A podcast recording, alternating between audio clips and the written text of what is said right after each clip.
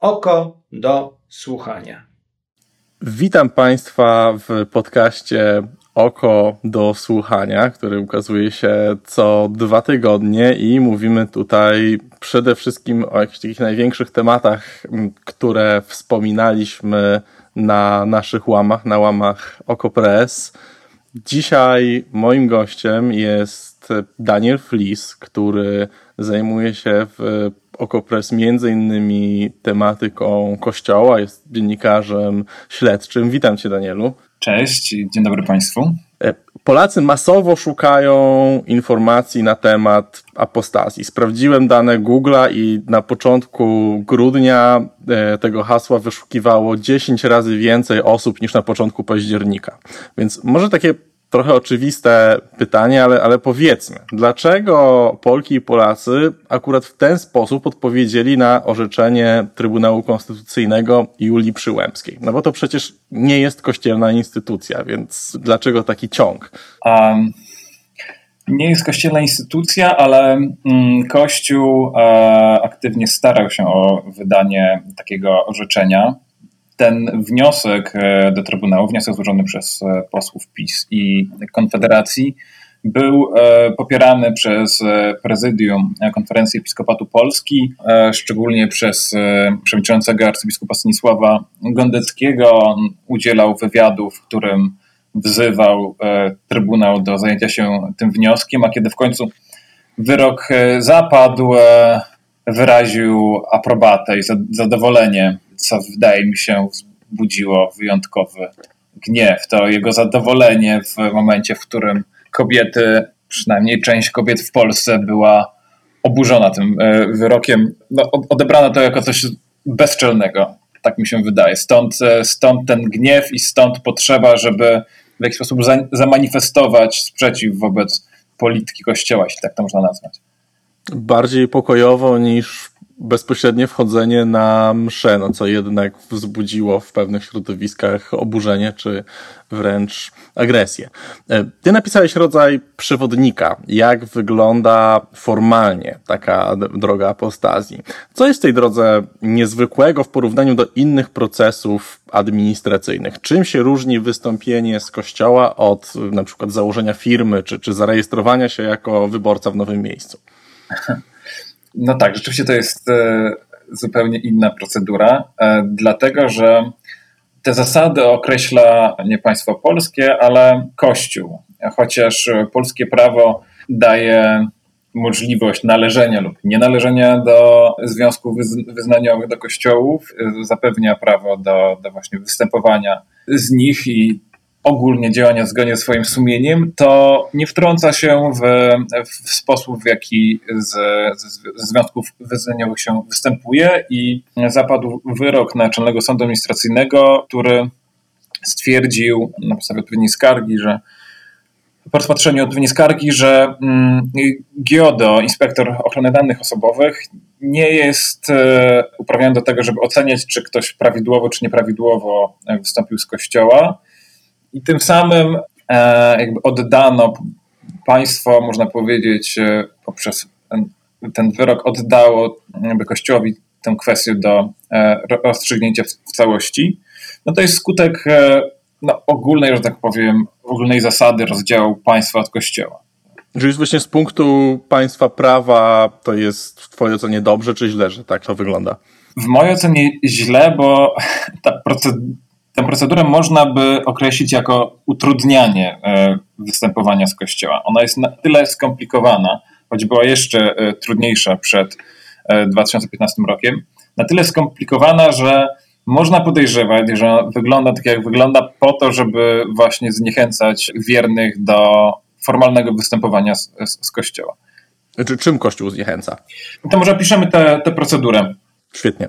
Ona jest trudniejsza szczególnie dla tych, którzy, którzy nie, nie mieszkają w miejscu, w którym ich ochrzczono, bo pierwszy etap to jest odebranie świadectwa chrztu z parafii, w której mm, było się ochrzczonym. Jeśli się mieszka gdzie indziej, to trzeba w jakiś sposób się porozumieć z tą parafią i nakłonić się do tego, żeby przesłała akt albo na nasz adres, albo co rekomenduję chętnym na adres parafii, w której się mieszka.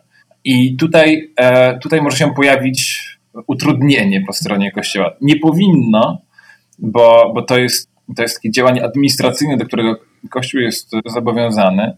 Nie ma żadnych formalnych powodów, żeby odmówić e, wydania takiego odpisu e, aktu chrztu, ale z historii, które zebrał nasz autor, nasz współpracownik Andrzej Sidorski, wiem, że Wiem, że na bardzo różne sposoby e, zniechęca się kandydatów do apostazji, mm, do, do rozpoczęcia tej procedury. To na, na, co się przygotować, jeżeli ktoś myślałby o takim akcie? No bo ja właśnie y, zmieniając miejsce zameldowania, na przykład nie jestem przygotowany na to, że mi urzędnik powie, no ale czy na pewno chce y, pan już nie być zameldowany u swojej babci, tylko gdzie indziej?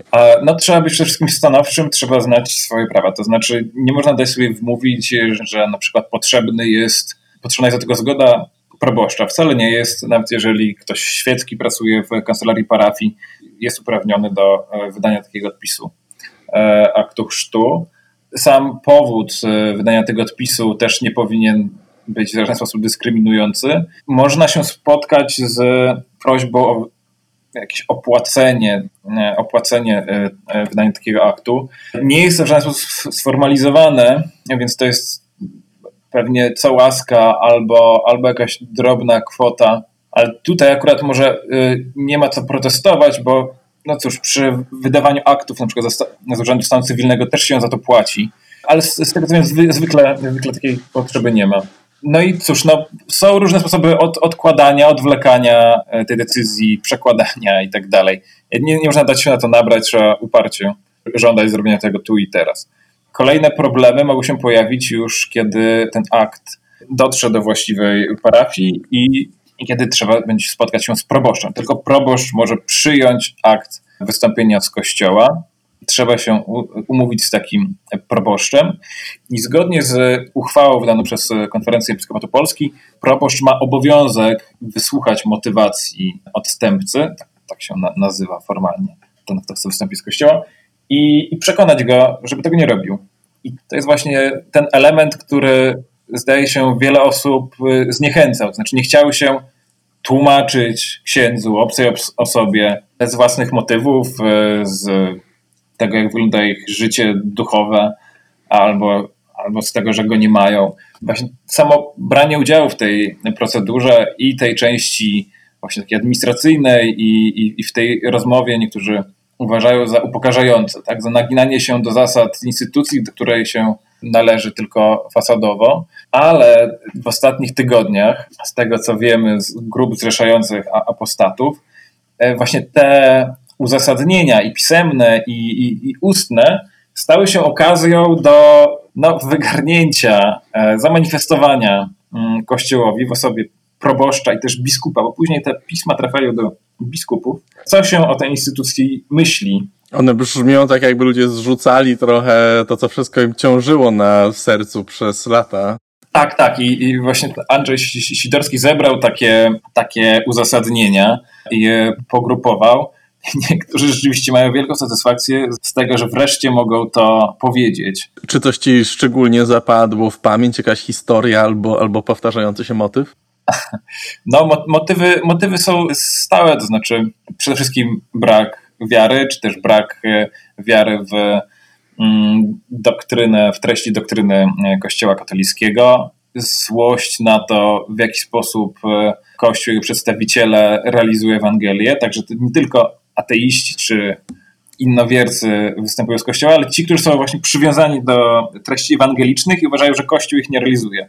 Kościół, a przynajmniej, a przynajmniej jego e, zwierzchnicy. Powtarza się sprzeciw wobec e, polityki Kościoła, wobec osób LGBT i wobec praw kobiet, bo jak wiemy, Kościół zaangażował się w, w kampanię obecnej władzy i, i przeciwko jednemu, i przeciwko drugiemu. Ale też pojawiają się motywy ekologiczne, to znaczy uzasadniają niektórzy, że Kościół nie jest przynajmniej tej polskiej postaci nie jest, nie, nie wspiera rozwiązań ekologicznych. Zdarzają się też takie prowokacyjne akty apostazji, na, przykład takie autodonosy, w których ktoś przyznaje się, że jest czarownicą albo że złamał pięć e, przepisów kodeksu prawa kanonicznego. Także jest to, e, jest to można powiedzieć, osobny gatunek literacki i jest coraz bogatszy. Czyli jedni bardzo serio, inni trochę żartem. Co Twoim zdaniem ośmieliło ludzi do tych otwartych deklaracji najbardziej? E, mi przychodzi do głowy no, po pierwsze mariaż tronu z ołtarzem, z drugiej strony bardzo ostry język, którego Kościół używa wobec e, szczególnie mniejszości seksualnych. Z trzecie to są skandale pedofilskie, które ty sam opisujesz e, w Okopres. Patrząc na reakcje ludzi na wypowiedzi, co mm, byś tutaj wskazał jako, jako najmocniejszy czynnik? No tak, trudno się nie zgodzić. Wydaje mi się, że, że kluczowe rzeczywiście jest to, że, że polski kościół zaangażował się w kilka kampanii propagandowych wspólnie, ramię w ramię z PiSem, z władzą. I jakby wszedł tym samym na teren polityki, podczas gdy przez lata próbował przynajmniej się przedstawiać, wydaje mi się dość skutecznie. Mu się to udawało przedstawiać jako, jako instancja niezależna od sporów politycznych, jako arbiter, Teraz, kiedy widzimy w jaki sposób PiS jest wspierany przez Kościół i vice versa, no obrywa za to, obrywają za to hierarchowie, bo stracili, stracili ten im, immunitet, tak mi się wydaje, ale no, na pewno pomogło w tym to, że no, powszechną stało się już wiedzą, że biskupi nie są tacy święci i mamy już w Polsce listę co najmniej kilku biskupów, o których wiemy, że mm, zupełnie świadomie ukrywali, przenosili, ignorowali, ukrywali e, sprawców przestępstw seksualnych w kościele, ignorowali ofiary. Mamy nagrania, mamy dowody, korespondencje i tak dalej. Jeszcze niedawno tego wszyscy się domyślali, że w Polsce musi być tak jak w innych krajach, w których e, ten proces e, już przeszedł, jak w Stanach, Francji czy Australii. A ostatni rok przyniósł e, e, masę dowodów i, i taką powszechną świadomość tego, jak, jak to wygląda. Że, że, to nie są czarne owce w episkopacie, ale dosyć powszechny proceder. Także teraz już nie trzeba, nie trzeba się wstydzić tego, że coś się wygarnia biskupowi, skoro to nie jest namiestnik, widać, że to nie jest namiestnik Boży e, na, na tej ziemi, ale no, taki polityk, który z jednej strony dba o interes swojej, swojej organizacji, wchodząc w e, konszachty z, z władzą, a z drugiej strony dba o wizerunek, ukrywając e, przestępców wewnątrz tej organizacji. Czy patrząc teraz na reakcje hierarchów, analizując ich narrację, widzisz jakieś szanse, żeby Kościół zmienił swoją narrację w stronę wizji chrześcijaństwa, takiej, którą bardziej reprezentuje Szymon Hołownia, a nie Jarosław Kaczyński? No myślę, że Kościół będzie się bronił. Te procesy, o których mówimy, znaczy choćby, e, choćby ta fala apostazji, e, musimy pamiętać, że jest, e, one obejmują jakiś wycinek tylko polskiego społeczeństwa. Cały czas Kościół ma, ma dużo zaufania. E, nie pamiętam dokładnie wyników ostatniego badania IBRIS-u, ale zdaje się, że to jest mniej więcej mniej więcej tyle samo osób ufa Kościołowi, co nie ufa. Ale coraz więcej nie ufa. A tak, chociaż e, zaliczył Kościół drastyczny spadek od poprzedniego badania. No i cóż, e, z tego co widzimy, Watykan próbuje zmieniać polski episkopat. Ma tu swoich, powiedzmy, wybrańców. Jest takie skrzydło bardziej liberalne, dosyć skromne w polskim episkopacie, ale ono dostaje władzę. I widać to po tym, w jaki sposób są przeprowadzane śledztwa e, kościelne w sprawach właśnie o tuszowania pedofilii. Jest to, można powiedzieć, narzędzie właśnie do takiej przyspieszonej wymiany w kadr w polskim episkopacie. Mm, niektórzy biskupi stracą posady, stracą e, znaczenie, a inni być może się wybiją. Rola prymasa, który jest delegatem do spraw ochrony osób pokrzywdzonych, wzrasta jest też arcybiskup Grzegorz Ryś, który prowadzi, e, prowadzi śledztwo z jednej strony w sprawie biskupa Łowickiego Andrzeja Dziuby, z drugiej strony jest administratorem diecezji mm, kieleckiej. Także pewnie Watykan będzie próbował ratować tę sytuację. Pewnie część społeczeństwa na to liczy, że będzie mogła znów jakby pozbyć się tego dysonansu. To znaczy będą chcieli wrócić do takiego kościoła, którego się już nie będą musieli wstydzić. Więc e, możliwe, że, mm, że to zaufanie znów e, wzrośnie. Z tego co pamiętam, Cebos e, badał nastroje po pierwszym filmie braci Sekielskich i początkowo był spadek kilkuprocentowy, a w następnym badaniu już lekko było odbicie, chodzi o zaufanie dla, dla Kościoła, więc no, wszystko jeszcze jest w grze. Wydaje mi się, że trudno będzie odwrócić te, te trendy, ale mm, za wcześnie jeszcze na mm, triumfalizm, jeśli, jeśli, e, jeśli chodzi o nadzieję na laicyzację e, na wzór irlandzki. Jedni chcą laicyzacji, inni chcą otwartego kościoła. Dziękuję Ci bardzo, e, Danielu, za rozmowę. Moim Państwa gościem był Daniel Flis z działu śledczego OkoPress teksty Daniela, te podcasty powstają dzięki Wam, dzięki naszym czytelnikom, słuchaczom, widzom. Bardzo dziękujemy za wszelkie wsparcie, które okazujecie naszej redakcji. Dziękujemy za Wasze wpłaty, dziękujemy, że dzielicie się naszymi nagraniami ze znajomymi. Jeżeli e, wśród e, Waszej rodziny, przyjaciół są osoby, które zastanawiają się nad e, dokonaniem apostazji, zachęcam do przesłania im tej rozmowy, do przesłania im też artykułu Daniela Flisa, gdzie w taki sposób bardzo usystematyzowany pokazuje, jak ten proces wygląda. Jeszcze raz Ci dziękuję, Danielu. Dziękuję. I dziękuję Państwu. Do usłyszenia.